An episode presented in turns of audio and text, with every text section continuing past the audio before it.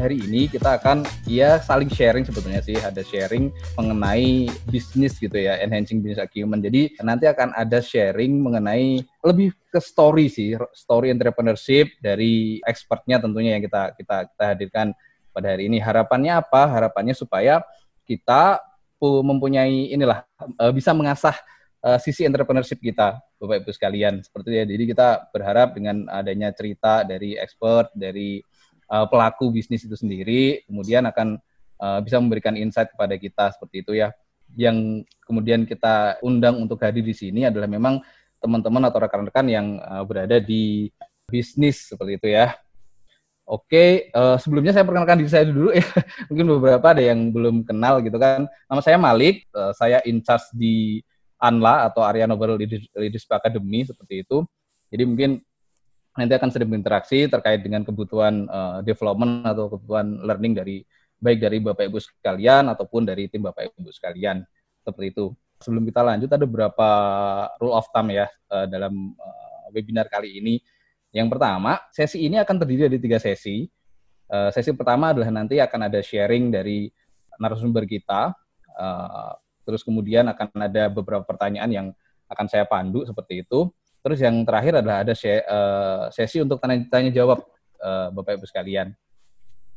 Seperti itu ya. Nah, selama uh, apa namanya? selama uh, sesi ini berlangsung uh, saya berharap untuk uh, berkenan itu ya dibuka uh, videonya seperti itu jadi kita bisa saling bertatap uh, muka. Terus Kemudian di beberapa sesi nanti akan tim Anla akan uh, mute ya supaya uh, berlangsung uh, bisa berlangsung dengan nyaman dan lancar seperti itu. Nah, pada pada sore hari ini kita kedatangan secara virtual ya tentunya ya kedatangan narasumber yang memang seorang pelaku bisnis seperti itu ya. Beliau adalah Bapak Stephen uh, Lawrence seperti itu. Nah, background beliau ya secara bisnis beliau sudah berbisnis terutama di bagian e-commerce ya di e-commerce itu udah 10 tahun lebih lah seperti itu. Jadi baik di luar oh, di Kanada waktu itu ataupun balik ke Indonesia pun juga sudah uh, menekuni bisnis di e-commerce ya dan kemudian dengan beberapa opportunity yang dilihat terus selama empat tahun terakhir ini beliau uh, mengembangkan bisnis di bagian enabler e-commerce seperti itu. Jadi pengalaman di bisnisnya tentu cukup banyak, udah belasan tahun menjalani uh, bisnis seperti itu ya. Nah, nanti di hari ini tentunya akan akan banyak sharing terkait dengan perjalanan bisnisnya dan juga terkait banyak hal yang kita bisa bahas terkait uh, dengan bisnis. Dan nanti saya harapkan tentunya ada banyak itu ya, banyak pertanyaan dari Bapak Ibu sekalian seperti itu ya. Oke, supaya mempersingkat waktu ya hari ini sesi pertama ini saya persilahkan uh, Pak Steven untuk bisa sharing mengenai journey bisnisnya dari Pak Steven ya. Oke, okay, uh, eh, selamat siang semuanya, uh, leader. Nama saya Steven, perkenalan. Terima kasih Pak Malik udah introducing. Uh, thank you Arya Noble uh, for having me. Udah undang saya untuk berbicara di sini untuk share sedikit uh, mengenai apa uh, apa apa yang bisa kita kontribusikan? Uh, pembelajaran apa yang mungkin bisa saya share kepada teman-teman semua di sini? Uh, anyways um, ya yeah, uh, saya kenalin diri dulu sedikit mengenai background saya.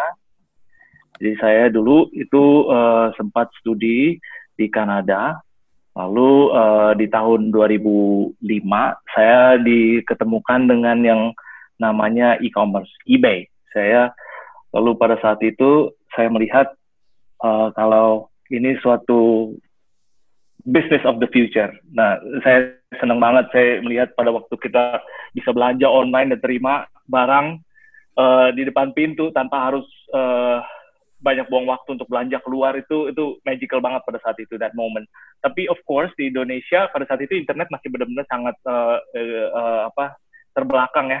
Lalu and then um, uh, uh, apa setelah itu 2011 singkat cerita saya balik ke Indonesia dan saya melihat pada saat itu internet itu memang masih uh, sangat slow. Tapi uh, before that, let me share my screen ya, karena itu ada di bagian dari saya punya screen. Oke, okay, semua bisa bisa bisa melihat screen saya? Can everybody see? Kalau misalnya yang yang bisa lihat, please, can I see your jempol, jempol, please? Oke, okay, cool. Oke, okay, cool. Uh, ya, uh, sebentar ya. Saya harus minimizing ini dulu. Nah, um, anyways, uh, this is our commerce. This is the perusahaan yang kita bangun benar-benar dari nol. Kita mulai dari uh, dua orang dan benar-benar dari ruangan yang sangat kecil banget. Uh, lalu uh, let me uh, introduce kita punya tagline itu adalah grow your brand online. Oke, okay? this is the history. Saya anyway nanti sepanjang waktu ini apabila ada pertanyaan please uh, uh, bisa dicatat dulu. Mungkin nanti pasti Q&A bisa ditanya. Saya akan menjawab sebisa saya. Uh, dan uh, we will have time untuk Q&A lalu uh, untuk pembuatan uh, sorry solusi AHA Commerce yang AHA Commerce itu jualan apa aja sih? Jasa yang kita tawarkan adalah ini pembuatan konten lalu pemenuhan pesanan manajemen stok dukungan pelanggan digital marketing, dan social media. Jadi, basically e-commerce itu adalah perusahaan yang namanya e-commerce enabler ya. Dan kita itu membantu pembuatan konten dalam arti kita fotoin, kita timbangin, ukurin, kita buatin copywriting produk, lalu kita upload ke online juga. Dan uh, kita, apabila ada pertanyaan dari pelanggan, maka kita ada CS yang membalas juga. Uh, lalu kalau ada pesanan dari customer untuk beli, kita yang kirimin dari gudang kita juga. Jadi technically uh, hampir all in one itu kita lakukan for our brands ya. Jadi e-commerce enabler itu membantu uh, fokus di uh, branding, bantu membangun brand lain gitu dari digital marketing juga dan social media management. Um, nah kita pun juga mengelola official store dan uh, apa uh, yang itu salah satu jasa yang terunggul kami saat ini.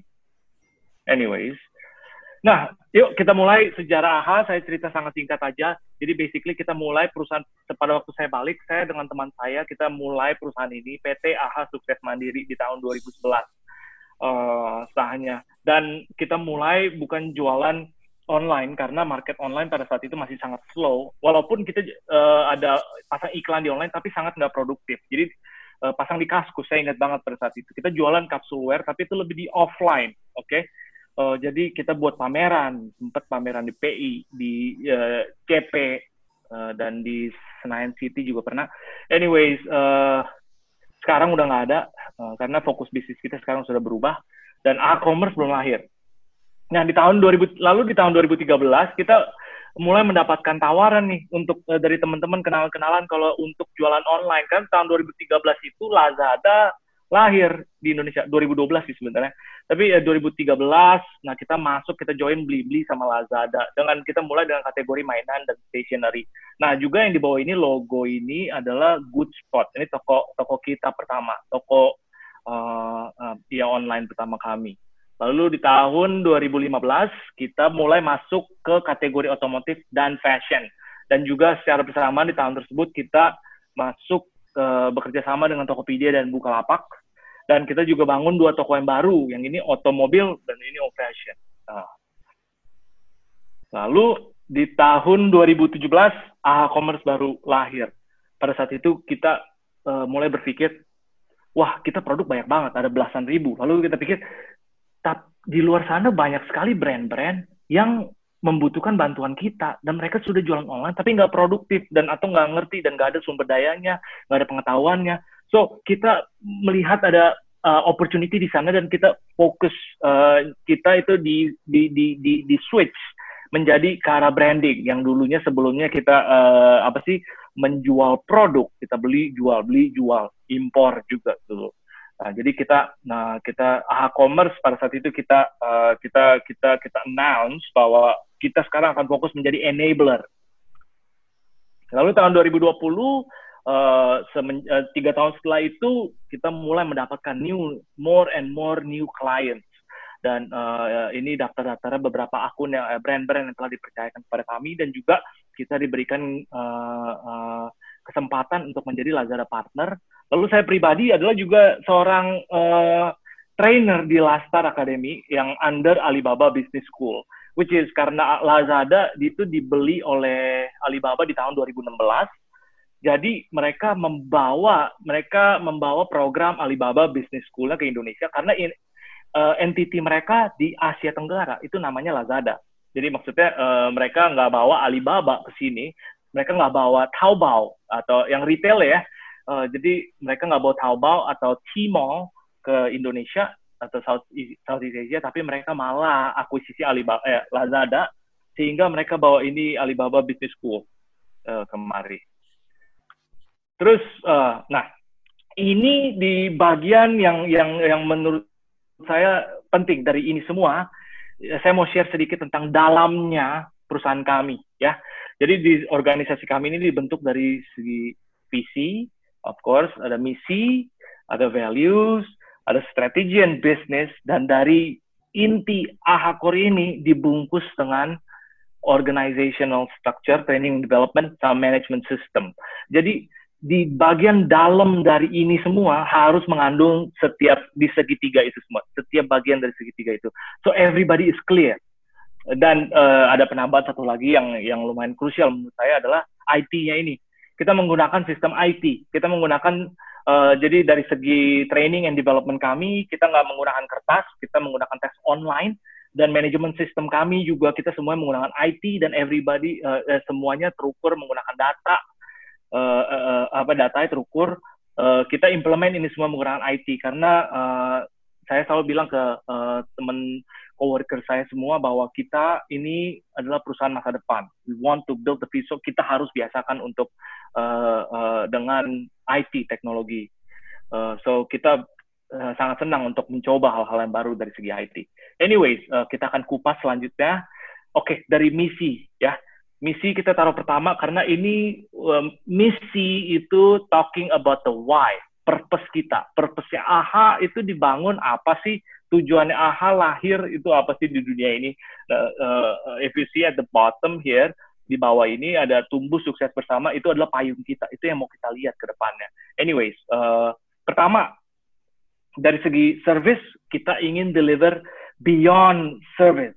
Jadi ya, saya saya saya saya percaya service itu one of the most important factors dan kita punya hashtag sendiri untuk agar supaya uh, teman-teman kita semua bisa mudah untuk mengingatnya. Pelayanan istimewa hashtag kita. Lalu dari segi approach kita extraordinary. Saya selalu bilang saya nggak ingin jadi biasa-biasa aja. Saya mau jadi lebih dari biasa. Terus dari segi performance zero to hero. Nol ke goal. Uh, yang maksudnya adalah uh, dari akun yang kita bangun dari nol kita jadi yang top number one. Uh, di kategori tertentu atau di eh, dan anyways misi kita uh, itu adalah to, the mission statement kita to empower brands make a difference in the world. Uh, itu yang itu it, it, ini the why aha diciptakan dan why purpose kita uh, di sini di dunia. Terus lalu kita lanjut lagi ke visi. Nah aha visi. Visi itu is talking about what? Apa yang kita mau melihat ke depan. Alright? Anyways, reach kita, we're talking about we kita aspire, kita ingin uh, membantu uh, seribu, kita bercita-cita untuk membantu seribu local brands to go international.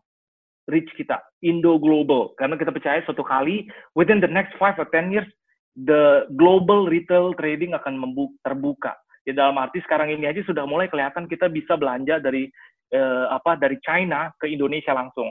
Saya percaya dalam 5 10 tahun ke depan mungkin Indonesia bisa bisa eh, menjual ke China atau ke Southeast Asia dulu mungkin. Di Thailand, Vietnam itu uh, tradingnya itu akan sangat mudah. Lalu reputation kita uh, we we would like to uh, uh, to build star brands. Dan kita ingin mempunyai reputasi top 100 brands in the world yang artinya kita nggak ingin brand yang kita gandeng ini menjadi brand yang biasa-biasa aja. Hanya ada uh, apa entity online doang. Tapi we want to build star brand. Period kita dan ini yang kita sering ulang-ulang juga bahwa kita itu uh, uh, kita, we will be a company that lasts for at least 89 years. Why? Karena uh, dari 2011 tambah 89 tahun akhirnya mencapai uh, uh, apa 2100 tahun 2100 dan dan dan juga uh, 8 itu angka hoki dan 9 itu uh, uh, the symbol of fullness complete dan I I find it ini easier untuk uh, tim kami, tim AHA untuk mengingat period kita ini yang kita ingin capai ke depannya. Anyways, ini yang kita ingin capai, uh, ini bahkan 89 tahun saya percaya uh, kemungkinan besar ini udah melebihi my my lifespan. Jadi uh, saya ingin anak-anak, eh, saya ingin tim AHA, my coworkers semua mengerti bahwa apa yang mau kita lakukan adalah kita ingin nggak mem, uh, melakukan lebih daripada kita ingin mencapai lebih, kita ingin meninggalkan legacy. Alright, saya move on ke values. Nah, values is talking about budaya, it's talking about culture. Uh, jadi apa sih uh, yang yang orang melihat dari luar? Jadi budaya di, bekerja di AHA atau hidup di AHA itu seperti apa sih? Uh, um, uh, my partner came up with this actually uh, IDE, integritas dewasa etika ide AHA, ide AHA ide. Oke, okay, anyways, itu itu jadi nyambung. Eh dan uh, um, maksudnya integritas. So kita kita uh, explain juga kita kupas dari IDE integritas dewasa sama etika ini apa aja sih masing-masing komponennya? Integritas is talking about transparency the honesty under promise over deliver ya. Lalu dewasa is talking about being responsible bertanggung jawab reliable dapat diandalkan teachable dapat diajar. Habis itu etika itu dibagi tiga yaitu teamwork, focus sama self developing. Oke, okay? itu budaya kita. It, is uh, dan core-nya yang selalu kita bilang ada integritas karena percuma kalau misalnya we have all the skills kita smart tapi kita nggak ada integritas then it is all uh, useless. Uh, dewasa is talking about character, etika is talking about behavior, sikap. Oke, okay, saya lanjut. Nah, uh, now we're talking about AHA strategi, bisnis strategi. Uh, ini yang yang ah strategi is talking about how how to win in the market. So uh, first untuk identify itu kita harus identify the who klien kita. Oke, okay, basically kita identify the uh, who satu local brands yang struggling to grow di e-market. Dua, the what, uh, the unique value yang kita tawarkan ke pasar the, uh, yang setelah saya jot down adalah all in one solution, transparency, sama growth oriented. Nah, habis itu how to do it dengan integration sama business intelligence dan big data analysis. Itu uh, then the strategi statement yang kita udah provide adalah to provide a complete solution to grow local brands to compete in the e-market through sophisticated sophisticated business intelligence systems and integrations. Yes, uh, then after the strategi, after all that kita implement the visi, the misi, kita uh, uh, uh, apa the values, and then the strategy. After all this, and then we look at the the the the the, the result. Apa sih yang kita uh, dibandingkan kita dengan yang lain? Oke, okay? contoh salah satu brand yang kita kelola yaitu uh, 3M itu uh, kita baru tiga tiga bulan yang dulunya adalah dipegang oleh uh, salah satu enabler lain uh, itu selama enam tahun lebih dan we actually beat them in three months uh, bisa dilihat dari the followers uh, in three months we already beat their monthly revenue yang mereka udah accumulated over the six years. And then Yang Yang ini adalah brand kategori uh, uh, baby yang lawannya adalah Pigeon Indonesia yang ini data ini by the way 5 Juli ya Terus abis itu uh, dengan da dalam waktu empat bulan kita sudah sudah melebihi 50% dari followers yang mereka kumpulkan selama tiga tahun lebih dengan positive seller rating yang lebih tinggi 90%.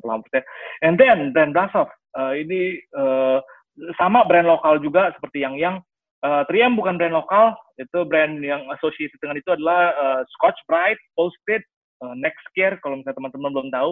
Anyway, uh, dari Amerika Lalu Brasov brand lokal juga dan ini satu plus tahun ini uh, brand uh, uh, kompetitornya adalah yang di manage dengan other enablers adalah uh, uh, Priscilla. Ini brand uh, yang umbrella brandnya Casablanca. Casablanca parfum. That's the, uh, the the the market leader di area parfum yang terbesar di Indonesia.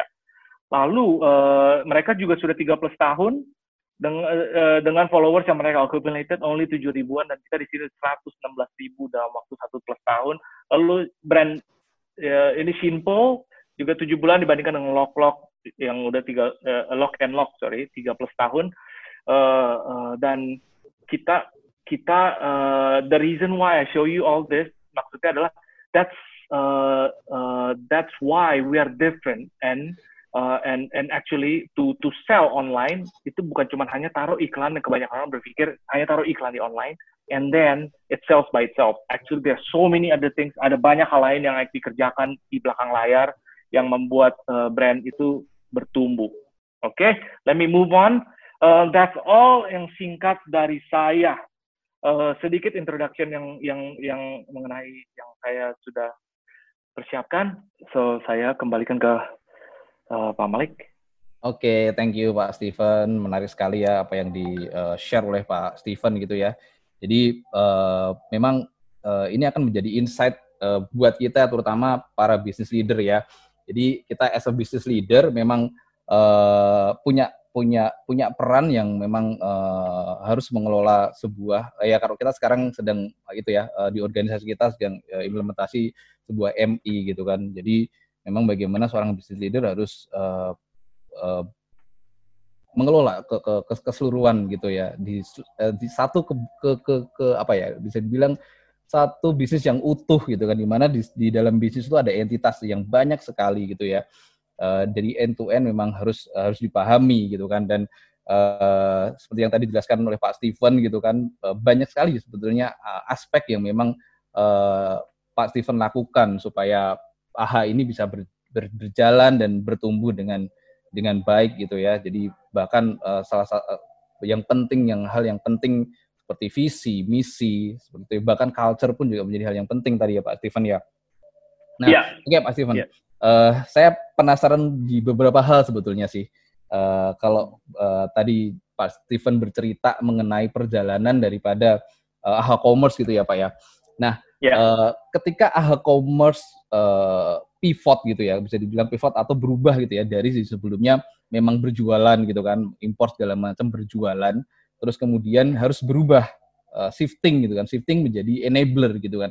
Sebetulnya -huh. uh, dua hal yang ingin saya tahu. Satu, uh, waktu itu melihat opportunity apa sehingga meyakinkan Pak Steven untuk uh, apa namanya benar-benar pivot gitu kan. Yang kedua, uh, di awal stage ini kan berarti cukup berbeda ya yang dilakukan ya. Hmm. Uh, dari yang berjualan menjadi hmm. uh, enabler gitu kan. Di awal hmm. bisnis itu yang uh, yang menjadi fokus daripada Pak Steven apa ya? Oke, okay, good question. Um, so mungkin uh, saya jawabnya nomor dua dulu kali ya Pak Malik ya, karena Boleh, mungkin lebih lebih alurnya lebih mulus. Anyways, jadi di awal goal kita untuk menciptakan PT AHA Sukses Mandiri itu hanya satu. Basically, Oke. Okay. um, we did not have a clear purpose atau vision atau mission atau values itu semua belum muncul sampai belakangan actually. Uh, somewhere along the way kita realize bahwa hey, hmm, actually creating a business is not just about making money. It's a lot more than that. Then, then I think if we have a clear purpose as a leader, you provide a, a clear purpose to everybody, or your coworkers, to all your coworkers, and orang akan very eager to follow untuk to achieve that, to work together. Nah, uh, lalu oke okay, untuk menjawab yang nomor satu, kenapa kita bisa uh, kita bisa pindah uh, switch focus dari yang jualan itu ya karena di awal kita cuma kayak pikir oh dari opportunity bisa jualan ini bisa jualan itu lama-lama produk kita jadi belasan ribu. And then like uh, tapi kita bener-bener nggak ada clear strategi kita nggak ada clear vision the what we want to become in the long run. Lalu juga kita we don't have the why we don't have the uh, uh, mission. Jadi we just basically just sold. Dan pada saat itu juga uh, kita dapat tawaran dari lumayan banyak orang yang lebih arah jasa. Nah, maka itu kita juga jadi adjust. Oke, okay, over the years kita realize, hey, this is yang kita develop itu actually kita never thought about it, kita never plan on it. Cuma kita nggak pernah merencanakan itu semua, tapi tiba-tiba kita langsung kepikir, hey, you know what, ini tiba-tiba jadi kita punya strength nih. Tiba-tiba jadi, oh ini sesuatu yang kayak kita very used to, and and our team, I'm very proud of my team, that our team is very committed, dan uh, they are different. I can see as the company grows, everybody is growing as well. Uh, uh, dan uh, itu yang itu yang itu yang membuat kita membuat mengubah fokus menjadi uh, perusahaan e-commerce enabler. Awalnya memang sebetulnya belum jelas juga ya Pak ya, tapi memang yeah. didasari oleh uh, ada kebutuhan uh, needs dari customer waktu itu ya. Berarti memang mm -hmm. uh, needs dari kalau kita bicara cuan kan memang kita harus ini ya, bisnis as, as, as usual gitu ya, maksudnya ya fail, uh, revenue lah ibaratnya revenue atau cuman yang kita kejar berarti yeah. kita menyesuaikan dengan apa yang dibutuhkan customer. Berarti waktu itu memang itu ya Pak, potensinya daripada uh, apa kita lihat di segi bisnis ya, daripada oh, berjualan, memang uh, big opportunity-nya ada di sana ya Pak ya. Needs-nya ada ada banyak di sana waktu itu. Ya, betul, betul. Ya, technically sebenarnya kita juga masih berjualan, cuman kita tambahkan uh, jasa manajemennya itu. Hmm. Jadi uh, we realize nggak cuman orang nggak cuman hanya menurut kita in the future, in the long run, orang akan lebih appreciate kalau kita bangun sesuatu rather than bangun revenue alone. Tapi kalau kita bisa bangun brand, then that's something. Uh, kayak uh, contoh yang tadi saya contoh, uh, tunjukin, Brasov itu yang kita uh, bangun dari nol sampai menjadi the number one perfume brand di Lazada. And that is uh, something yang yang we're very proud of and it's very meaningful to us gitu loh. Karena kita yang bawa brand tersebut gitu. How about ini Pak? Capital waktu itu Pak, di awal-awal berbisnis Pak. Oh, uh, we have been self-funded from day one. Dan oh. tentu, uh, yes, uh, ada banyak uh, problems, isu-isu. Contoh, uh, kayak seperti uh, kita pertama kali kita uh, mau menjadi enabler pun kita bingung.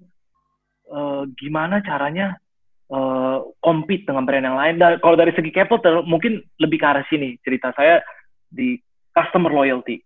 Dulu pada saat kita menjual, I mean like we're talking about uh, uh, jualan produk, tapi pada saat harganya ada yang taruh lebih murah, itu customer kita hilang. Langsung kita kehilangan banyak traffic tuh. Nah, kita realize di sana, wow, oke, okay, kita nggak ada customer loyalty nih. Nggak ada yang, uh, kalau customer tuh cuma pengen ke toko kita pada saat kita jualan murah doang gitu. Nah, that is, kita melihat itu sangat nggak healthy. Dan yang dampaknya adalah ke kita punya capital, of course. Sehingga kita punya revenue oke, okay, tapi profitability kita parah banget pada saat itu. Karena kita ngadu harga di situ. That's why kita fokus ke branding gitu. That's uh, one of the challenges yang itu. Berarti memang oh, berarti di awal pun juga memang uh, salah satunya yang pertama kali ya memang dikejar adalah volume ya Pak ya, maksudnya transaksi ya. Uh, iya. Yeah. Waktu itu ya. Iya. Yeah. Oh oke. Okay. Iya. Uh, pada waktu itu Pak, kan, sekarang kan udah banyak, banyak banget ya kalau sekarang kita bicara startup gitu ya Pak ya. Startup itu tuh mm -hmm. yang saya lihat bener-bener di awal itu karena memang fokusnya di awal itu adalah akuisisi gitu kan. Kemudian mereka mm. jor-joran bener-bener burning dan money gitu kan uangnya benar-benar iya. dibakar, yeah. kemudian diskonnya tuh kemudian menjadi sangat-sangat nggak nggak normal sekali gitu kan. Terus yeah. uh, kalau kalau dengan uh, Pak Steven uh, biasanya kan kalau startup yang seperti ini dia punya itu ya punya backup apa namanya venture capital yang besar gitu ya Pak ya. Seorang Pak Steven waktu itu ketika mempunyai self funded ya, jadi dengan yeah. modal sendiri gitu kan, apakah juga masih consider tentang ini nggak Pak waktu di awal? Yes, definitely. At the end at the end of the day for a business ya yang mem uh, yang membuat bisnis itu uh, healthy adalah profit. Kalau if there's no profit, then there's no business. Technically yang buat hidup kan. Yes, uh, dan actually tadi Pak Malik ada mention dengan startup. Actually saingan-saingan kita yang besar-besar. Saingan-saingan kita e-commerce enablers yang lain mungkin teman-teman pernah dengar Jet Commerce, A-commerce. Habis itu uh, itu Jet Commerce perusahaan JNT Express, JNT Express tahu ya. Yeah. Uh, e-commerce itu dari Thailand uh, those are uh, valuationnya udah sangat besar uh, beyond satu t uh, dan we are a lot smaller than them. Tapi um, we are very proud that we are actually uh, performance kita itu lebih baik dari mereka. Dan uh, um, kita I believe I believe money is not the uh, there are so many ways to get creative there's so many ways to get creative. Bukan kayak maksudnya memang ada startup yang memang mereka udah tahu strateginya, mereka udah merencanakan very clear uh, steps. Udah mau burn berapa banyak uang ke depan untuk mendapatkan berapa banyak traffic udah terukur dan everything that's great. Kalau udah mempunyai data tersebut yang paling ngeri adalah pada saat udah dikasih uang tapi nggak tahu nih asal taruh taruh taruh taruh taruh taruh, taruh tapi nggak diukur efektivitasnya pokoknya cuma marketing marketing marketing marketing dan dan uh, yeah, the thing is with data, if if if you don't know how to read the data atau olah the data, then it's just numbers. Nah, menarik juga nih Pak. Tadi saya ini baru mau saya tanya sebetulnya sih. Uh, dulu saya sempat membantu di sini ada Mbak Afril gitu kan. Saya sempat membantu online retail kita seperti itu. Makanya saya pernah beberapa berinteraksi juga dengan apa namanya beberapa enabler gitu kan. Nah, menurut Pak Steven, Pak Steven ini red ocean atau blue ocean Pak bisnis Bapak? Dan strateginya apa ya Pak ya untuk apa namanya? Itu kan ada big kompetitor seperti itu ya. Yes. Oh, kalau pendapat saya, that's a very good question. Actually, pendapat saya ini area eh, e-commerce enabling itu adalah blue ocean. Oh. Karena ini rep, repot banget. What you need to do, you have to you warehousing, you have to do uh, apa sih product it, apa sih creation, management, design, habis itu CS, habis itu order fulfillment itu semua um, actually ini ribet banget dan a lot of people don't want want to deal with this dan a lot of the partners yang yang yang bekerja sama dengan kami kebanyakan bukannya mereka tuh uh, nggak uh, pernah coba online. Mereka sendiri sudah pernah coba jualan online tapi mereka mengerti kalau this is uh, industri di mana yang requires uh, particular teknik uh, uh, atau skill untuk uh, in order for the operations to be effective uh, efficient sorry dan efektif salah satu value yang ditawarkan e-commerce uh, yang berbeda dengan kompetitor yang lain saya e-commerce terus e-commerce itu seperti apa ya Pak ya? Hmm, basically uh, that is the business strategy yang we realize adalah uh, salah satunya itu transparency dan uh, yang kalau misalnya dibandingkan dengan kompetitor kami yang biasa kita jarang lihat adalah transparency sama growth oriented. Nah kebanyakan enabler lain mereka they're only enabling yang maksudnya adalah gue bukain toko online lu doang. Jadi basically I open your of official store, habis itu that's it. Dan untuk dari segi marketing is very limited dan pada saat melakukan uh, marketing pun uh, the data is very uh, kayak contoh mungkin uh, settingan di Facebook dan lain itu tidak terbuka. Tapi kalau dari kita, kita sediakan live dashboard untuk laporan yang jelas dan monthly meeting kita itu datanya komplit dan data sampai even customer punya data semuanya kita kirimin setiap bulan komplit. So it's the the full kind of transparency dan growth oriented. Jadi maksudnya we uh, one of the things yang kita very proud of adalah our uh, business intelligence system di mana itu bisa mengatur kita uh, dealing with belasan ribu SKU, belasan ribu produk. So kita harus uh, kita nggak bisa tuh satu-satu pick hand pick uh, ini uh, apa produk apa yang mau dipromosikan, produk mana enggak. Jadi kita kita build a system uh, yang udah bertahun-tahun kita gunakan dan kita tetap up even up until now untuk menentukan setiap SKU mana yang uh, yang ini yang yang eligible yang mana yang nggak perlu dipromosiin kita nggak promosiin kayak begitu. So that is uh, our USP basically kalau dibandingkan dengan our competitors. Oke okay. berarti memang uh, transparansi gitu ya pak ya transparansi. Jadi nggak close dashboard gitu ibaratnya ya pak ya? Iya okay. betul. How do you find ada niche itu pak dulu pak oke okay pada saat ada ya well technically uh, maksudnya di gimana cara saya mendap, iya. menemukan yeah. USP itu ya? Iya. Yeah. Ya karena somewhere along the way kan kita dealing terus kita meeting dengan uh, klien kami dan mereka tanyanya pretty much ya itu itu itu itu dan we realize that oh hey mereka uh, ya again kita kita kita acting on behalf of them they are kita itu se, uh, pegang brand mereka jadi mereka butuh tahu gitu. Ini anaknya mereka. Anaknya mereka jadi kita mereka butuh tahu nih apa yang kita uh, uh, apa perbuat untuk kembangkan ini. Dan juga mereka juga butuh tahu apa saja uh, uh, uh, ya ya I think I think menurut saya secara general ya um, nggak nggak usah business partners ya we're talking about uh, pacar or even suami istri your spouse uh, they would appreciate honesty and transparency as well. yeah, yeah. Oke oke Pak, nah, menarik. Ini kan kalau bisa dibilang sebetulnya bisnisnya B2B ya Pak ya, memang kliennya adalah bisnis gitu kan. Nah, uh, sorry, sorry Pak Malik, ya? kita actually B2B2C. Ya. B2B2C, oh oke okay, oke. Okay. Karena Berarti karena kita we deal with end user juga.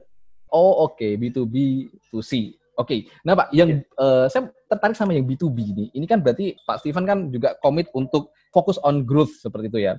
Nah, ya. sebetulnya Pak Steven um, manage brand mereka, uang mereka seperti itu ya, dengan strategi dari Pak Steven. Nah, hmm. tips dari Pak Steven untuk convince klien Bapak, uh, meyakinkanlah klien kita dengan ide-ide kita. Oke, okay, untuk uh, that's a good question as well. Untuk meyakinkan, uh, that is really tough.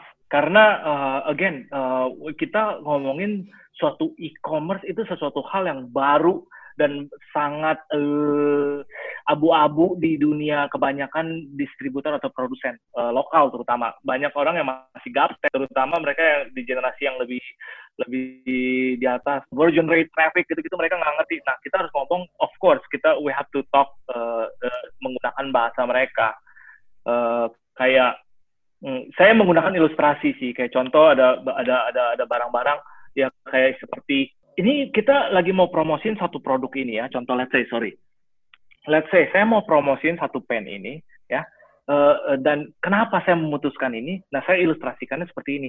Saya taruh di toko saya dan ini dari data yang kita analisa dan data itu by the way bisa diakses juga sama prinsipal lalu kita very transparent langsung buka di depan barang-barang dan lihat ini pengunjungnya ada seribu orang setiap hari. Di situ dari seribu orang itu yang membeli itu uh, uh, uh, 50 orang. That's 5%. Ya kan? Berarti 5%. Dan itu dari patokan dari data-data kita yang lain, kita udah udah udah buat patokan kalau di atas 2%, that's a good product. That's a good uh, maksudnya produk yang memang diaccept oleh masyarakat.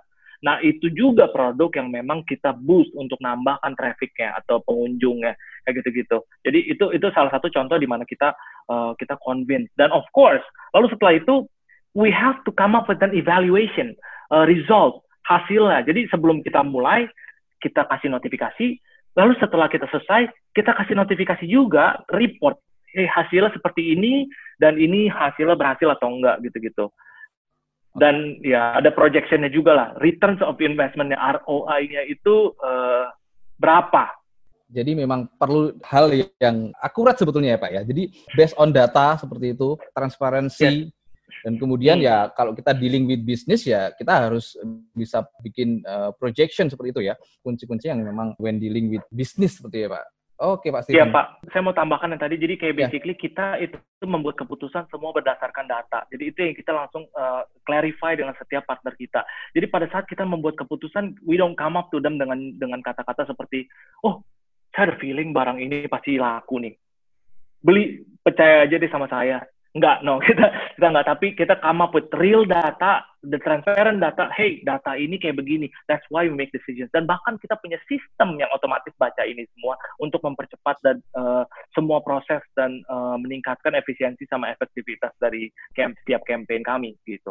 Tadi Pak Steven mention tentang Pak Steven really proud uh, dengan tim Pak Steven gitu ya. Kalau di AHA sendiri Pak, consideration apa ketika uh, main consideration lah yang menurut Pak Steven penting ketika kita tuh uh, meng-hire orang gitu ya, meng-hire people. Hmm, Oke, okay. oke, okay. ya untuk saya saya percaya uh, getting the right people on the bus is the first, is very important, very important. Nah, how do we get the right people on the bus?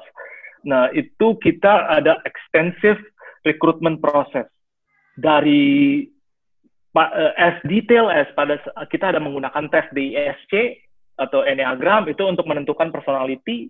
Lalu pada saat interview kita coba identify, identifikasi uh, dari kom, apa sih namanya kita, saya dapat uh, ideal team player dari buku Ideal Team Player itu uh, kita kita coba identifikasi seberapa uh, komponen uh, kriteria uh, uh, pemain tim ideal ini ada di sana lalu uh, juga yang selalu saya uh, ulang-ulang adalah kita itu hire karakter dan train skill.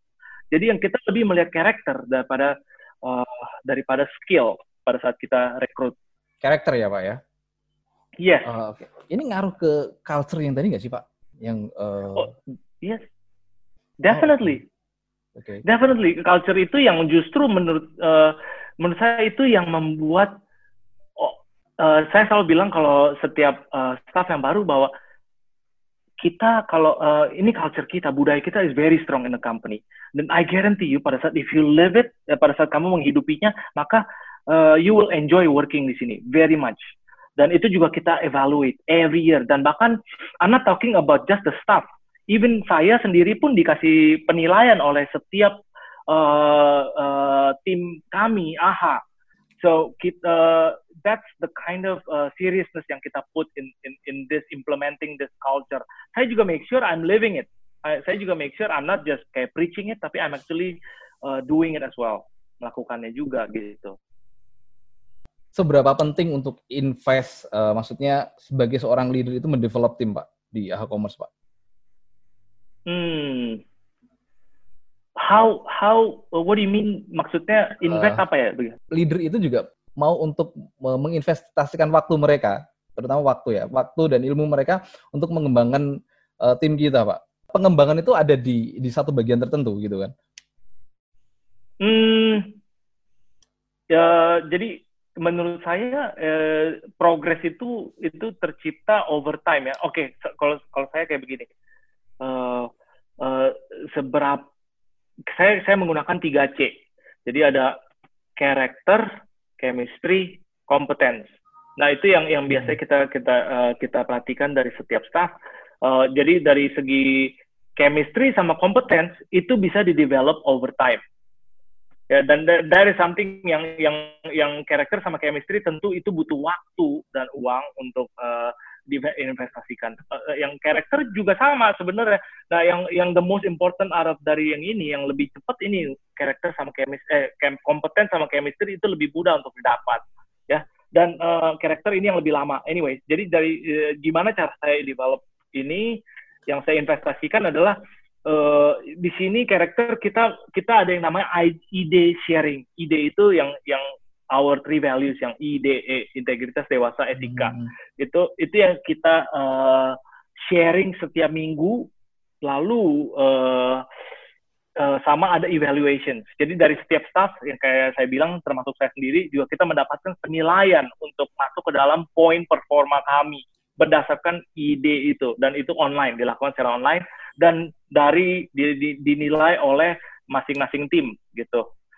Terus abis itu uh, setiap member di tim ya. Lalu yang kedua itu uh, kita ngomongin kompetens. Nah kompetens itu ya, kita menggunakan training modules, ada tes uh, dari training modulnya itu juga kita presentasikan, uh, udah dipresentasikan, lalu kita berikan modulnya itu secara online.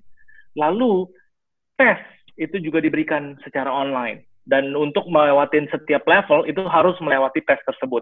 Lalu yang ketiga itu chemistry. Nah, chemistry juga penting nih, ya kan? Dari setiap tim gitu kita menggunakan sistem outbound. Jadi uh, ya kayak maksudnya kita ada uh, outing bareng, outbound bareng, dan itu sangat favorit banget. Dan bahkan uh, we are even thinking untuk kayak uh, melakukan activity seperti setiap tim, masing-masing tim itu untuk outing uh, sebulan sekali, begitu. Uh, tapi yang itu masih belum diimplementasikan sih. Oke. Okay. tapi I believe it's very important untuk kayak really invest into the the uh, personal every ini uh, the growth of every individual di di tim.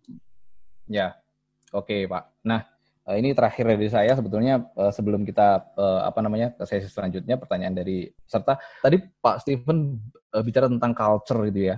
Apa ya. sebetulnya ya. yang membedakan antara satu organisasi atau satu bisnis yang punya culture yang strong dengan yang Uh, kemudian ya biasa atau aja atau mungkin nggak concern dengan culture-nya, Pak? Hmm, saya rasa itu kelihatan ya dari hasil kerjanya. Like I think it's uh, uh, dari hasil yang diproduksi itu kelihatan culture dari setiap company.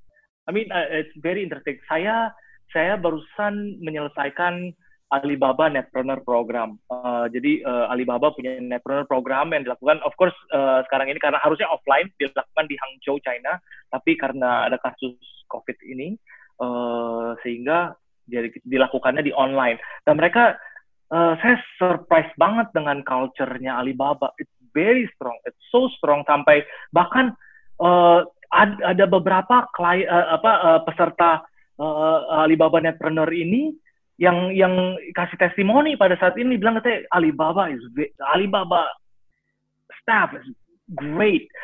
Mereka dealing with the customer. Mereka mereka sistemnya gini.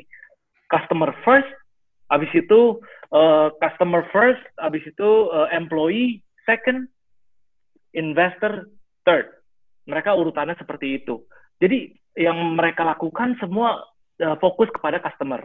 Itu nomor satu. Baru employee, and then the employee uh, setelah employee baru investor.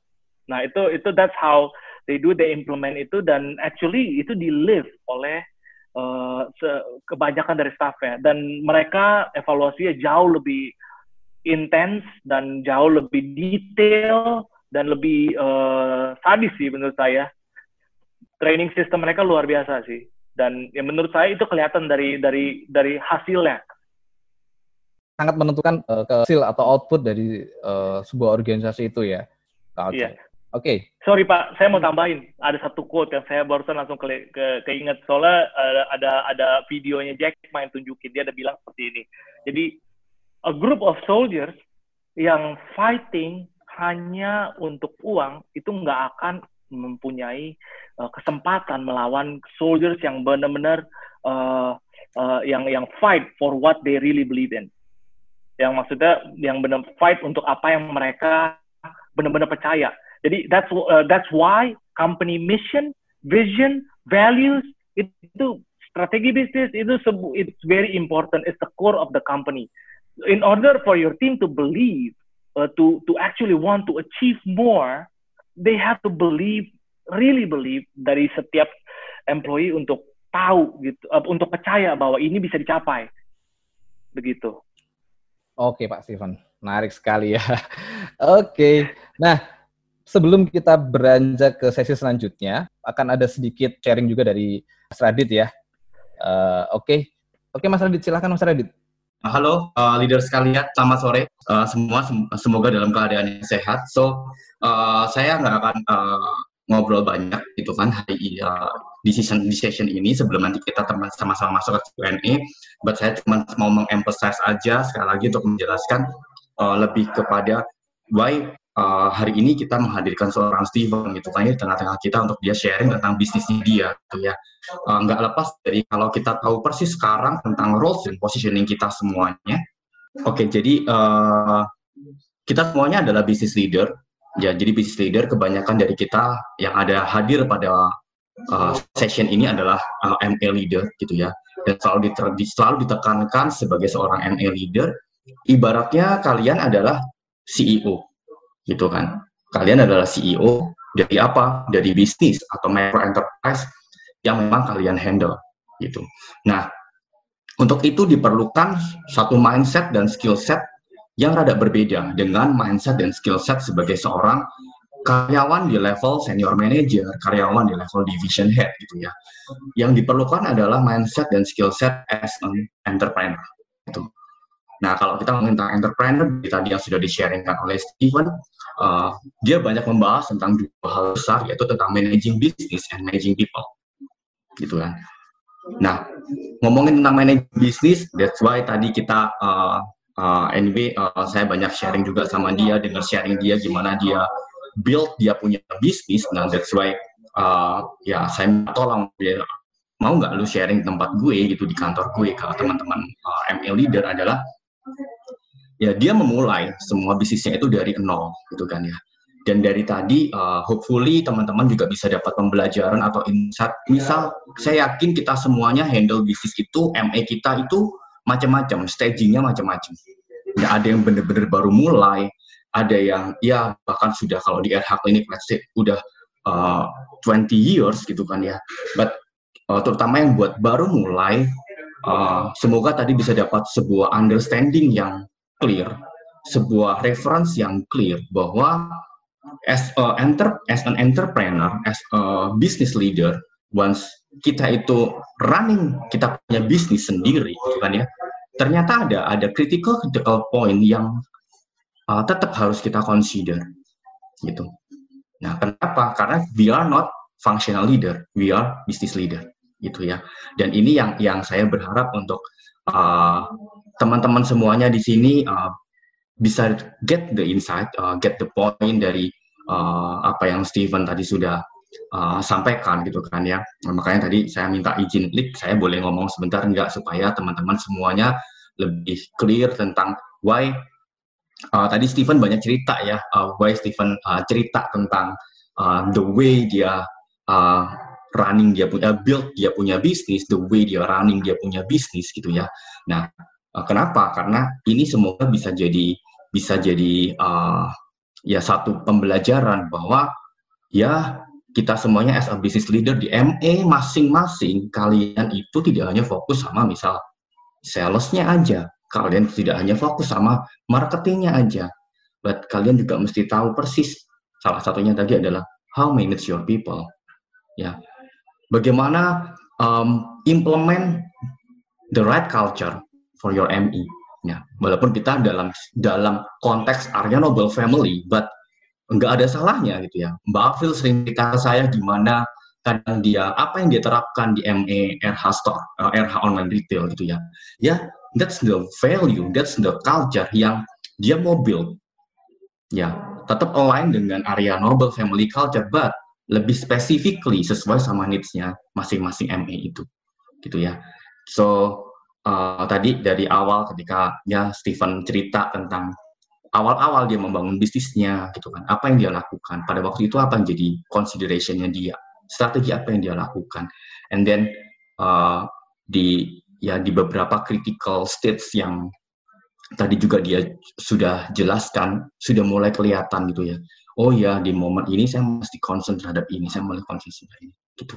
Nah so objektifnya apa? Sekali lagi uh, saya selalu percaya bahwa kita akan bisa meminimize kita punya konflik organization konflik once kita punya understanding yang sama. Kita punya uh, ya clear understanding yang sama point of view yang clear anchor yang clear gitu kan. The truthnya apa? As our anchor gitu ya. So uh, this is like tadi yang diceritain sama Stephen yang the truthnya adalah we are as a business leader kita punya. Kita punya anchornya adalah ini gitu ya. Mindsetnya harus dipunyain adalah ini di tidak ngomongin lagi tentang functional, ya kan uh, saya bukan orang marketing, saya bukan orang uh, sales, saya bukan orang operation atau uh, saya bukan orang uh, customer experience gitu kan ya. Ya. Tapi kita pakai topi kita sekarang adalah topi as a business leader. Nah, kenapa saya undang Steven ya ya bisnis dia kalau dibilang gede-gede banget belum ya, kan ya. belum ya. Nah, sama lah uh, kita bisa kategorikan juga sebagai micro enterprise ya. The way dia build dia punya micro enterprise itu ya. Semoga ini bisa jadi insight untuk kita semuanya. Gitu kan ya. Sampai yang tadi dia bisa bid siapa, jelas sekali siapa yang mau dia compete gitu kan ya. Jelas sekali dia bermain uh, kenapa dia mau pindah jadi uh, enabler gitu kan. Jelas sekali bahwa dia mau bermain di competition yang mana. Nah, ya hal-hal semacam ini yang yang rasanya sangat kritikal uh, dan penting untuk kita bisa uh, ketahui dan kita bisa pelajari gitu ya. Dan ya Stephen juga kalau ngomongin umur juga masih muda. Lu umur berapa kan 36 ya? Ya iya, dia 36. masih masih 36 tahun. Ya dan dia sudah punya bisnis seperti ini. So ya spirit anak muda itu juga yang yang yang yang kita bisa uh, ya, contoh lah ya dari dia. 36 siapa yang di sini umur 36? Oke, ya bercanda. Itu aja, Lik. Okay, uh, eh, tambahan dari aku ya. Monggo yeah. dilanjut. Oke, okay, thank you Mas Adit. Ya, jadi uh, terima kasih Mas Adit atas ya sharingnya ya, melanjutkan uh, apa yang diceritakan Mas Adit itu ya. That's why uh, memang Anla berencana untuk mengadakan sesi-sesi ini selanjutnya ya. Jadi memang supaya ya tadi yang dibilang Mas kita punya skill set, punya mindset gitu kan, punya reference menjadi seorang uh, business leader di tempat kita. Ya nggak peduli kecil atau besarnya atau state-nya di mana. Seperti yang dijelaskan Radit, Pak Steven, state-nya mungkin belum uh, bisnisnya belum sebesar yang lain, tapi bahkan bisa uh, apa mengisi hal-hal yang memang belum ada gitu kan. Tetap akan ada potensial yang uh, bisa kita cari selama kita memang close dengan market, close dengan customer seperti itu ya. Oke, nah selanjutnya saya akan buka pertanyaan ya dari teman-teman sekalian. Mungkin ada yang uh, ingin ditanyakan kepada Pak Steven seperti itu ya. Oke, Pak Jojo, boleh Pak Jojo silakan. Selamat sore Pak Steven. Sore uh, ya. Pak Dodo ya. Pak Jojo, Pak. Jojo, Pak. Pak, Pak Yohanes ya. Jojo, panggil. Jojo, ya, Pak. Johannes. Oke, okay, ya. Oke, ya. Oke, Pak. Ya, uh, saya tertarik, uh, saya singkat aja Pak Steven. Uh, tolong saya di-share uh, apa yang Bapak lakukan dari uh, bisnis yang tadinya Bapak through on offline terus jadi enabler atau jadi online. Contoh aja sih Pak sebenarnya, misalnya saya punya bisnis travel yang sekarang promosinya lewat offline. Terus Bapak memutuskan untuk, oke okay, saya akan pindah uh, ke online promotion gitu. Uh, misalnya okay. apa yang saya harus lakukan pertama? Misalnya saya harus bangun brand awareness dulu, uh, atau apa pun itu, uh, saya tolong di-share, Pak. Terima kasih, Pak. Oke, okay. oke, okay. oke, okay. solid, solid, uh, solid question, Pak Jojo. Uh, kalau kita pribadi, uh, jadi dulu pada saat kita uh, 2011 saya baru balik, kita mulai bisnis. Kita bukannya sebenarnya dari awal kita memang mau menyentuh dunia online karena saya memang ekspertisnya di bagian online. Kebetulan saya seorang uh, nerd, saya geek saya demen banget komputer. Saya, saya dari dulu memang uh, uh, suka di depan komputer terus. Jadi dan dulu sempat apa jualan di eBay dan saya melihat itu masa depan banget. Jadi saya pas satu balik saya punya mindset saya pengen online dan saya udah mengerti lah, saya udah punya sedikit knowledge ya, walaupun sebenarnya kebanyakan saya uh, develop somewhere along the way. Uh, terus abis itu um, kalau saran kalau kalau kalau dari saya sih uh, basically ya pada waktu saya ingin menyentuh memasarkan produk saya dari online, dari offline ke online itu, saya hanya very simple. Saya melihat marketplace seperti eBay, saya join. Nah, dan uh, kalau dulu sih seperti itu ya mindset ya. Tapi kalau kalau saya boleh kasih saran sama Pak Jojo yang sekarang ini adalah tadi bilangnya uh, pasar ininya pemasarannya misalnya travel agency pemasarannya di offline ya. Terus habis itu mau pindah ke online. Offline sama online itu dua ranah yang sangat berbeda. Nah, kalau memang uh, Pak Jojo ingin uh, masuk ke uh, ranah online, menurut saya the very basic knowledge itu perlu banget dan perlu perlu dipelajarin dulu how it works. Uh, yang very simple, sales funnelnya dari online itu apa sih? Dari awareness, desire, apa gitu-gitulah. Uh, nah itu menurut saya that's the very basic yang yang yang yang I think it's a very easy untuk didapatkan di online ya zaman sekarang ya. It's an era of transparency era kan. Jadi benar-benar easy untuk mendapatkan uh, those ini. Dan Kalau saya boleh menambahkan Pak, ya. misalkan nih ini kan uh, dari bisnis sebuah bisnis offline ke online gitu kan. Nah di online itu tuh apakah mem, uh, yang yang diperlukan pertama kali itu apa sih Pak? Misalkan apakah kita perlu bangun brandingnya dulu kita nih? Kita brandingnya oh. dulu yang kita fokuskan atau memang kita kayak uh, ada kriteria khusus di online misal kita harus akuisisi customer atau kita harus uh, pilih channelnya atau segala macamnya seperti itu pak Oh, kalau misalnya belum menyentuh dunia online sama sekali, menurut saya sama seperti kayak offline. Yang pasti pertama ciptakan awareness dulu di mana-mana. Barangnya at least bisa di reach di mana-mana. Sebelum talking about marketing, any marketing effort, budget, I think menurut saya pertama itu talking about awareness dulu. That's the very first dari awareness. Uh, maksudnya contohnya kalau misalnya produknya belum bisa dibeli di online, ya taruh di website dulu atau uh, taruh di uh, Tokopedia, uh, Bukalapak yang mungkin nggak perlu semuanya ya di di luar negeri di Indonesia itu nggak kayak luar negeri di luar negeri itu yang paling unggul hanya Lazada sama Shopee. Udah yang lainnya semuanya kayak irrelevant.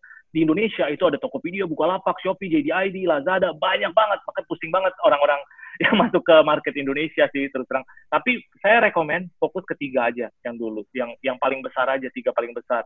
Um, Oke, okay. berarti memang yang pertama kali di apa namanya uh, difokuskan adalah awareness ya Pak. Jadi orang itu melihat produk atau service kita ada di online gitu ya Pak ya, terekspos dengan produk kita yeah. seperti itu ya.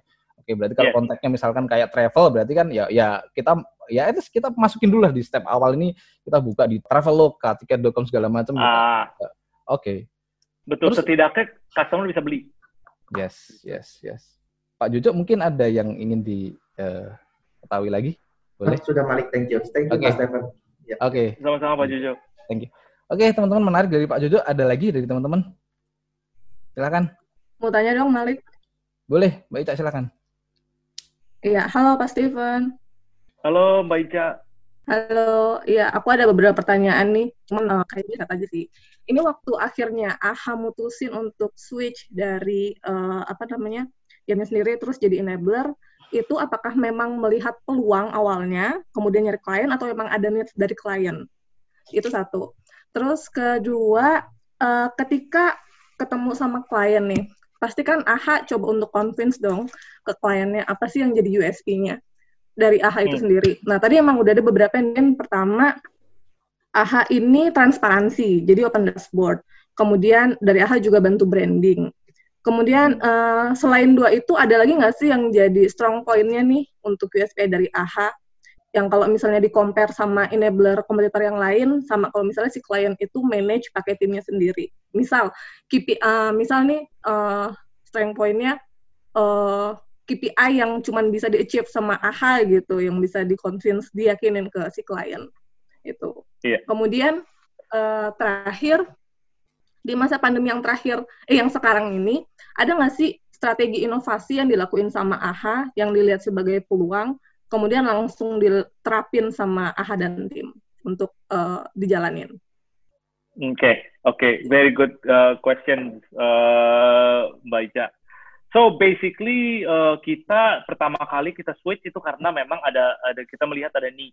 Dan juga at the same time kita uh, melihat rep capek banget nih. Kita uh, I remember at that moment kita tuh struggling dengan profitability. Revenue bagus tapi profitability kita very low dan bahkan merugi uh, month on month.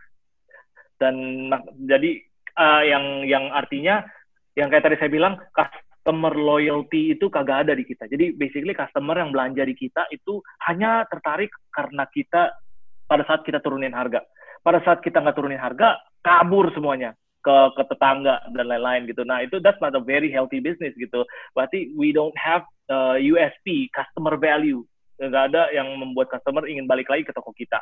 Anyways, hmm, lalu uh, itu ya itu, itu, itu lalu ada ada ada banyak uh, itu dari segi end user ya, C-nya, customer-nya. Tapi antok nah, sekarang kita ngomong dari segi kliennya.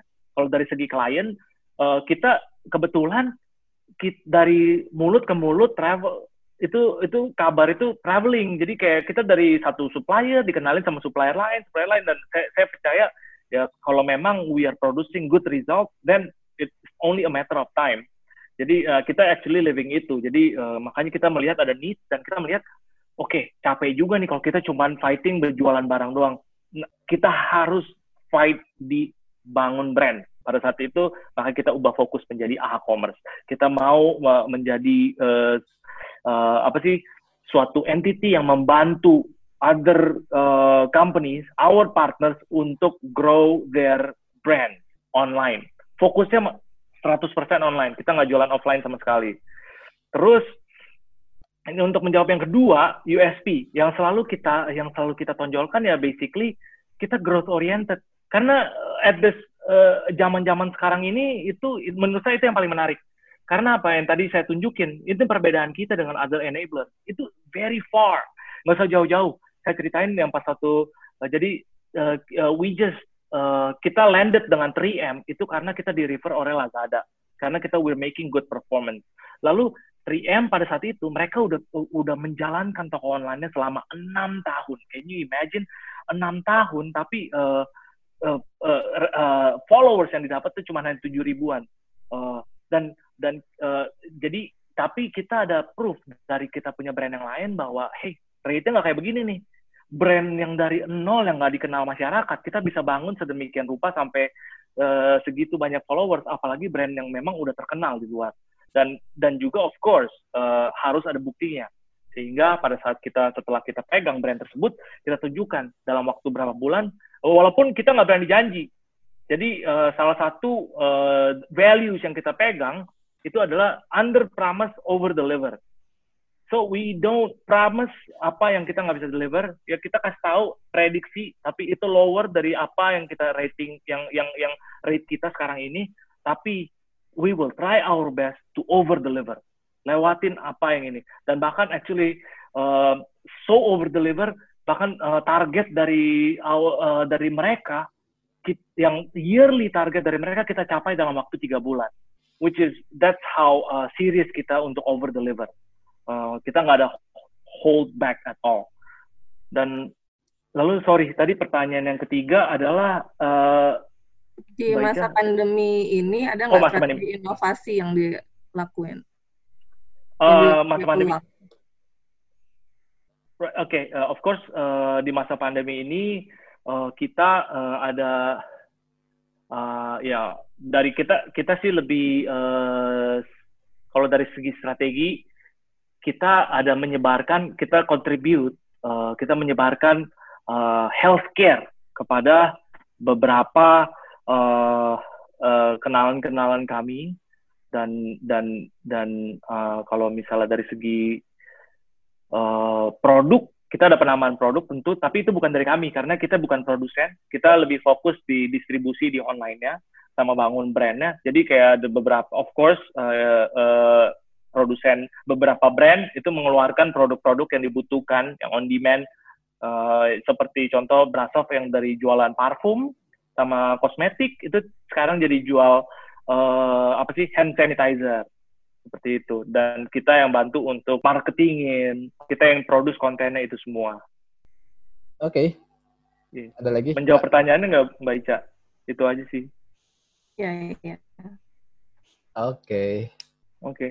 ya menarik ya oke okay. uh, eh, masih ada lagi dari teman-teman Mas Adit ada yang Iya, nambahin dari yang Ica aja tadi sih, apa uh, pas di during situasi seperti ini kan uh, yang tadi si Ica bilang kan ya relate sama innovation ya relate sama innovation. Uh, gimana caranya lu ngebangun kayak uh, innovation system ya?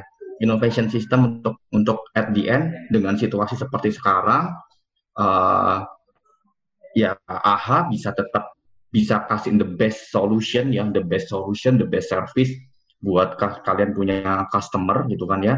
Dan itu mm -hmm. tuh sebenarnya uh, apakah dibangun satu innovation system?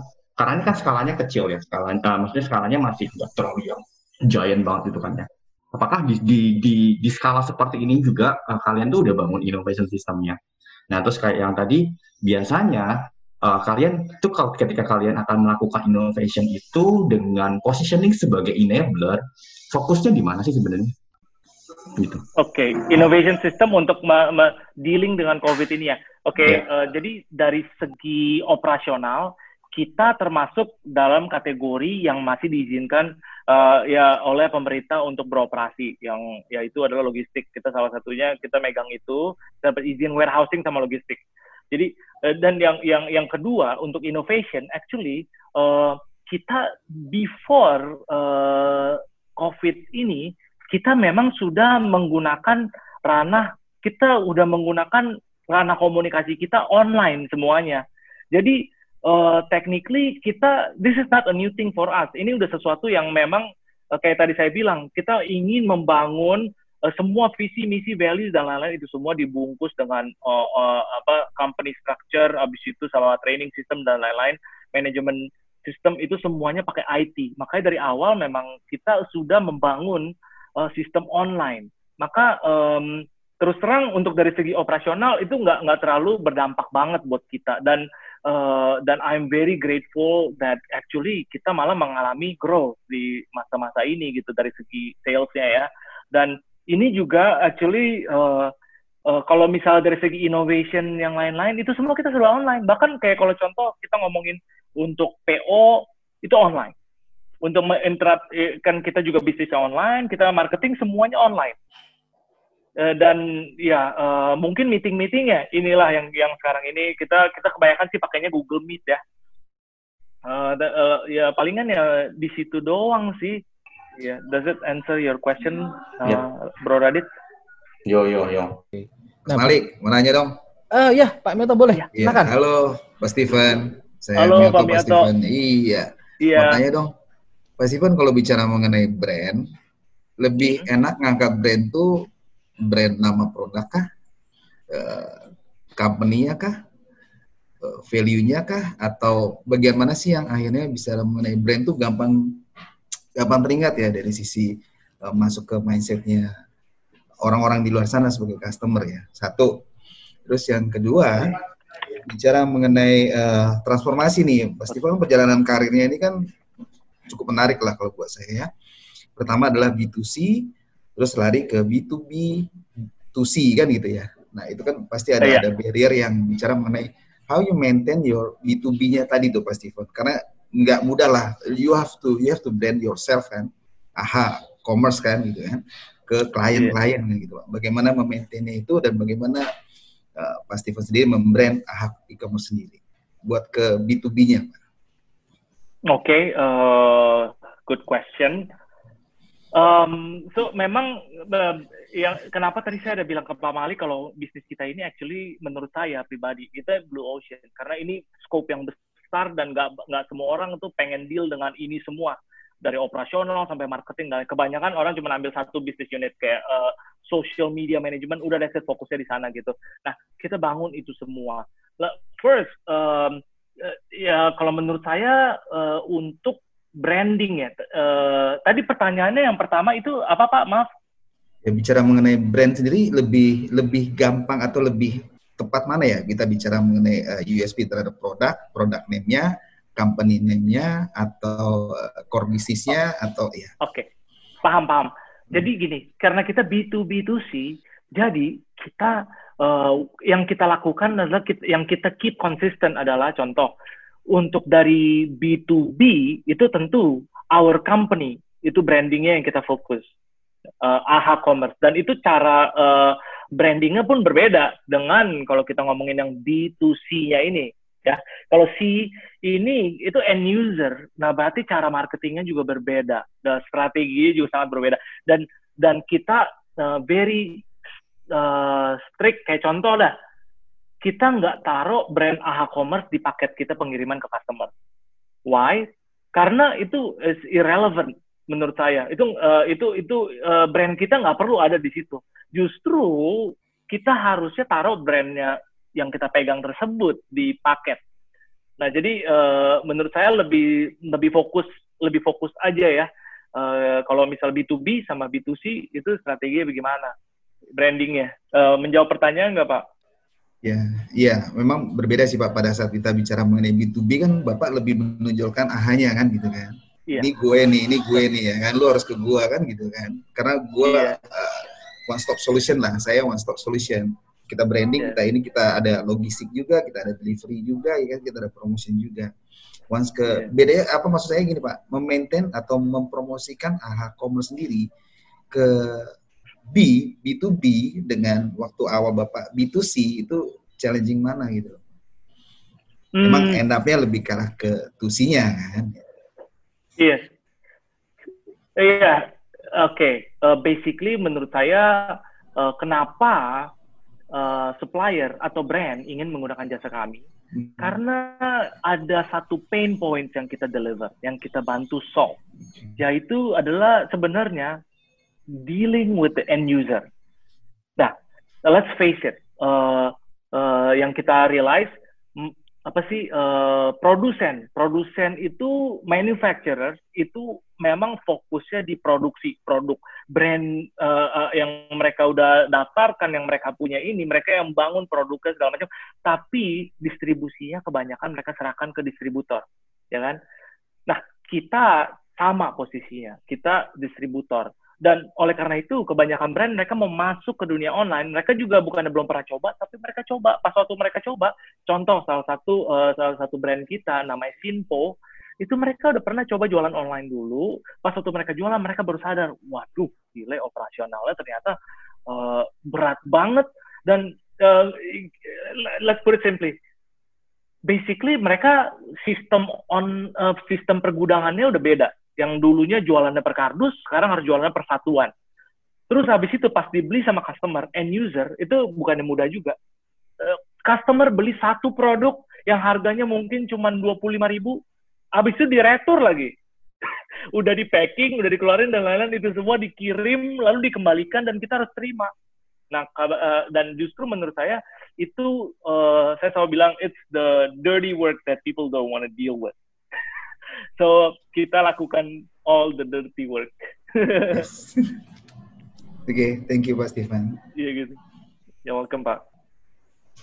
Oke, berarti kalau dari AHA sendiri Pak, untuk brandingnya yang diangkat memang dari pain point itu ya Pak ya, bahasanya yang ingin dikenal dari AHA itu adalah AHA yang akan ketika deal, uh, deal sama AHA berarti mereka akan tidak merasakan pain di dalam berbisnis di online seperti itu ya Pak ya. Itu yang hmm. yang mau diemphasize di brandnya AHA berarti Pak. Berarti bicara uh, ini ya Pak, bicara USP-nya ya Pak yang ditonjolkan ya sebetulnya ya. Uh, kalau hmm. sebenarnya technically yang memberi yang menjual jasa tersebut Pak Malik itu nggak cuma kita. Hmm. Bener nggak? Other enablers yeah. is also giving that uh, solution. Yes, yes, yes. Untuk lakukan Tapi, hmm. nah kita juga sempat kepikiran, gimana cara kita unggul? Gimana caranya agar kita, kenapa mereka uh, brands ingin, kenapa brand sebesar 3M mau bisa mau kerjasama sama kita? Why? mereka biasanya harusnya kan kerjasama dengan ya e-commerce aja. Kita we're a lot smaller than them gitu. Dan mereka bisa mau ke, uh, pick kita. We have to have something to offer dong. Nah, yang kita offer itu adalah yang yang tadi saya bilang transparency sama growth oriented. Hmm. Dan dan yang what I mean adalah kita yang kita lakukan semuanya fully transparent dan uh, yes uh, dan dan service yang kita berikan result yang kita berikan itu uh, I'm very proud of my team. Kita bisa uh, benar-benar keep an excellent uh, result. That's where values come in menurut saya. Pada saat kita actually living the spirit of excellence then everybody in the team is living the same way then the buahnya itu juga keluarnya uh, the same thing begitu oke okay, Pak Lawrence Mungkin ada lagi dari teman-teman? Satu pertanyaan lagi masih bisa. Silakan. Pernah gagal nggak Pak membranding satu satu brand? Oh, wow, oke, okay. that's a very good question. Actually kita udah gagal berkali-kali. so, um, yes, uh, yes, kita pernah gagal, of course. Tapi uh, saya nggak pernah, saya nggak pernah, uh, saya pernah baca di buku ya atau quote gitu ya, bilang you never lose you only win or learn. So uh, basically kegagalan itu yang membuat saya yang jadi belajar baru sampai journey itu yang membawa saya uh, untuk menemukan USP USP ini, menemukan sistem-sistem ini kegagalan. Nah itu uh, tapi of course uh, saya uh, bersyukur kegagalannya masih uh, terukur masih terjaga gitu. Yang masih bisa kita deal with bukannya kayak something yang kegagalan yang yang benar-benar sampai kita uh, ya apa kacau banget tapi yes yes yes yes. Of course a few times Oh, saya jadi punya satu pertanyaan nih, Pak. Sebut. Jadi ya, kepikiran ya, dari Pak Mioto tadi. ini uh, dari dari dari ini ini yang uh, dari awal sampai sekarang. Jadi masa paling struggle, Pak uh, Steven gitu ya, masa paling uh, challenging lah, masa paling challenging uh, di journey Pak Steven sebagai entrepreneur itu uh, di uh, apa namanya di masa di mana Pak, di kondisi seperti apa? Hmm, um, okay, that's a very yang masa paling challenging, yang paling challenge saya selama saya menjalankan usaha ini, oke, okay, itu itu pada saat di mana saya saya uh, merasa bisnis oke. Okay. Saya merasa saya punya visi, saya tahu kalau this is the future, tapi pada saat itu my partners, my business partners yang juga uh, uh, beberapa actually acting sebagai lebih silent partner, uh, uh, lalu untuk convince mereka kalau this business is the future. Itu itu salah satu yang yang menurut saya challenge yang paling susah. Um, dan dan menurut jadi sehingga pada saat itu saya uh, struggling untuk convince dan dan saya realize uh, ya tentu of course karena kita partners kita harus buat keputusan bareng. Saya nggak bisa buat keputusan sendiri. Uh, dan kebanyakan dari mereka itu lebih backgroundnya di finance. Jadi lebih bicara tentang revenue. Sedangkan saya ngomongin hal yang berbeda gitu. Saya talking about values, saya talking about uh, HRD, bangunin uh, uh, HRM, CRM, gini-gini segala macam. Dan itu it's it's very hard untuk pada saat saya pengen uh, convince mereka, sedangkan mereka butuh real. Kondisi perusahaan pada saat itu juga bukannya lagi beruntung lagi. Terus uh, pada saat kondisi perusahaan lagi sulit, uh, saya di situ mau kasih proposal untuk mengembangkan perusahaan. Jadi it was kind of crazy itu itu crazy. Tapi pada saat itu di momen di mana saya melihat karena saya yang yang hands on, yang benar-benar aktif dan saya mengerti dan saya masih belum bisa uh, apa pada saat itu saya sulit untuk mengutarakan apa yang di kepala saya. Jadi uh, itu itu itu me some time sampai terakhir saya akhirnya saya belajar untuk uh, berbicara uh, ses, uh, berdasarkan bahasa menggunakan bahasanya investor. Ya intinya, well uh, my partners uh, basically lebih kayak investor karena mereka nggak terlalu deal in hands on uh, dengan ini. Dan saya akhirnya menggunakan uh, data untuk explain itu semua. Dan data-data itu memang homeworknya banyak banget. Dan memang uh, uh, Ya, tapi saya juga harus meyakinkan mereka bahwa ini adalah sesuatu hal yang uh, untuk meyakinkan mereka bahwa ini keputusan yang baik gitu. So basically, uh, makanya that's that's also the reason why kita ketemu sama uh, ya kita harus menggunakan data. Dan juga itu kita aplikasikan bukan cuma hanya kepada our partner tapi kita aplikasikan itu kepada our suppliers juga. Kita menggunakan data untuk membuat keputusan. Untuk semua keputusan yang yang kita buat untuk uh, official store untuk uh, perkembangan produk kenapa banner ini kita buat kenapa kita pilih produk ini untuk dipromosiin itu semua menggunakan data dan dari struggle itu saya menemukan sistem saya belajar uh, dan mendapatkan uh, ya ya sistem yang bisa digunakan untuk hal yang lain lagi gitu nah oke Pak Steven nah menarik tadi partner Pak Steven memang sekarang uh, rules-nya memang seperti investor gitu ya Pak ya. Nah, iya. pernah nggak kejadian di mana Pak Steven itu based on your data gitu kan? Terus kemudian usulan atau ide atau pendapat dari investor Pak Steven itu tuh nggak terlalu meet dengan data yang Pak Steven dapat gitu kan. Tapi uh, ada hmm. aspek relationship yang perlu di maintain nggak sih Pak? Mm -hmm. I mean kalau misalkan okay. kita kita against gitu kan, apakah memang pure dengan by data gitu kan berarti kita memang bicara tentang data atau memang ada aspek-aspek uh, ya tentang uh, relation lah relation dengan investor yang perlu kita maintain uh, ya yeah, uh, yes definitely. Uh, ya well, salah satunya adalah uh, RUPS uh, rapat umum pemegang saham. Yang yang yang di mana kita memberikan report uh, dari segi highlights progress uh, challenges dan langkah selanjutnya apa itu semua. Dan of course untuk menjawab pertanyaan Pak Malik tadi, uh, yes ada momen di mana data yang yang apa yang kita present sebelumnya ternyata tidak terjadi. Nah itu uh, yang saya ketemukan adalah dari dari uh, partner saya itu kebanyakan uh, they know bisnis itu ada risk. Mereka bukannya pengen pokoknya harus cuan, cuan, cuan, cuan, cuan. Pokoknya tiap hari cuma naik, naik, naik, naik gitu. Tapi they want transparency. They want, uh, they want a, ke, uh, apa sih keyakinan. Mereka membutuhkan keyakinan kalau, hey, uh, we have an idea at least. Um, dan dari data ini kalau misalnya nggak tercapai, tapi setidaknya kita ada effort di sana. We're actually trying to grow this business.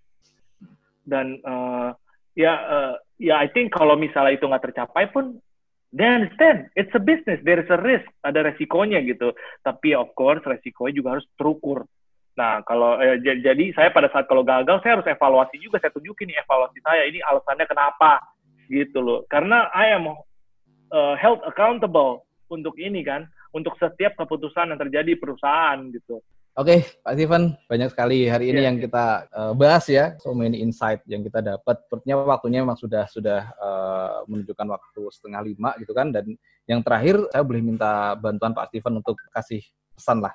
As an entrepreneur itu menurut Pak Steven, closing lah Pak Steven. Pesan buat kita seperti apa sih Pak, para business leader di area group ini?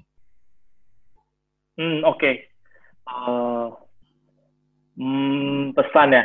Jadi kalau kalau saya percaya uh, actually tadi saya udah ngomongin ini sih. Uh, saya saya percaya that uh, business is not just about making money. I think uh, saya percaya uh, pada saat kita membangun suatu bisnis, actually it's it's a lifestyle. I mean, uh, saya selalu merasa kita itu spend waktu lebih banyak di kantor daripada di rumah loh. Actually, in a week kita datang lima hari, uh, bahkan kadang enam hari ke kantor, uh, spending 8-9 jam bahkan bisa lebih kalau lembur itu dan uh, I think that's life dan menurut saya there has menurut saya setiap orang dan pada saat kita sebagai pemimpin we need to have a misi juga uh, di dalam our business uh, uh, suatu bisnis yang kita dipercayakan. So that's why I came up with a mission. Karena saya kalau saya lihat orang people are eager to follow a good leader. People want to follow a good mission. People want to fight for a great cause. Kalau I mean beda banget pada saat we come up with the idea, hey, you know what? Pokoknya hari ini kita harus cuan, cuan, cuan, cuan. Beda banget kalau misalnya uh, kita uh, uh, uh, kita enforce our team dengan mission yang solid dan actually uh, yang yang fires up setiap orang di perusahaan, maka you will see dari mukanya aja kelihatan. Dari mukanya aja kelihatan. I mean, people come to the office, they're fighting happily it's like they're not working. They're they're just fighting. That's what happens. Dan saya pribadi udah melihat beberapa perusahaan yang successfully implement good culture yang seperti itu. Contohnya salah satunya Alibaba. Saya pernah ke Alibaba campus tiga tahun yang lalu. Uh, diundang sana untuk sur apa uh, melihat di sana uh, seberapa culture itu strong banget, strong banget dan you can see people are actually work happily di sana. Nah, that moment juga buat saya pikir Okay, I don't think people work for money. People, menurut saya lebih work for what they believe in. That's uh, ya menurut saya. Jadi so I my my saran adalah untuk saran dari saya pesan dari saya adalah find a good cause what you really want to believe in, in in in everything that you do. Even kayak itu yang diaplikasikan juga di Alibaba. Jadi setiap business unitnya itu harus ada visi misi uh, masing-masing sendiri juga dan values yang yang semua of course interconnected dengan the the umbrella which is uh, Alibaba begitu. Kalau itu pesan dari saya. Oke Pak Steven, terima kasih banyak Pak Steven, menarik sekali ya. Saya kira kita belajar banyak hal uh, di sore hari ini ya. Jadi kita belajar tadi bagaimana perjalanan Pak Steven membangun sebuah bisnis itu seperti itu. Bagaimana Pak Steven memang berangkat selalu melihat opportunity based on uh, customer needs. Bisnis ini segala macam decision yang ada di bisnis itu harus disupport currently di era sekarang ini harus dengan data. Means kita harus punya uh, ya everything dengan data gitu kan. Kita punya harus bangun ekosistem data yang meskipun itu dimulai dari hal sederhana memang kita harus come up dengan uh, decision based on data seperti itu ya. Dan juga uh, tadi juga Pak Steven juga sharing mengenai branding gitu kan, the way ada perbedaan bagaimana branding di B2B dan juga B2C seperti itu ya. Dan yang terpenting adalah bagaimana uh, di setiap kita business leader itu memang uh, harus mempunyai harus membangun dan mempunyai visi dan juga membangun culture supaya terbentuk sebuah organisasi yang purpose driven gitu ya. Jadi memang everyone punya tujuan yang sama bergerak ke tujuan yang sama seperti itu. Uh, saya ucapkan terima kasih sekali lagi kepada Pak Steven untuk berkenan untuk uh, bisa sharing dan juga tentunya para uh, bisnis leader yang ada di sini ya berkenan uh, menyempatkan waktunya sore hari ini. Uh, akhir kata dari saya terima kasih dan sampai ketemu di uh, sesi bulan depan ya. Uh, kita akan adain lagi untuk uh, entrepreneurship sharing atau bisa human sharing seperti ini. Terima kasih uh, semuanya. Thank you. Thank you. Thank you teman-teman leaders.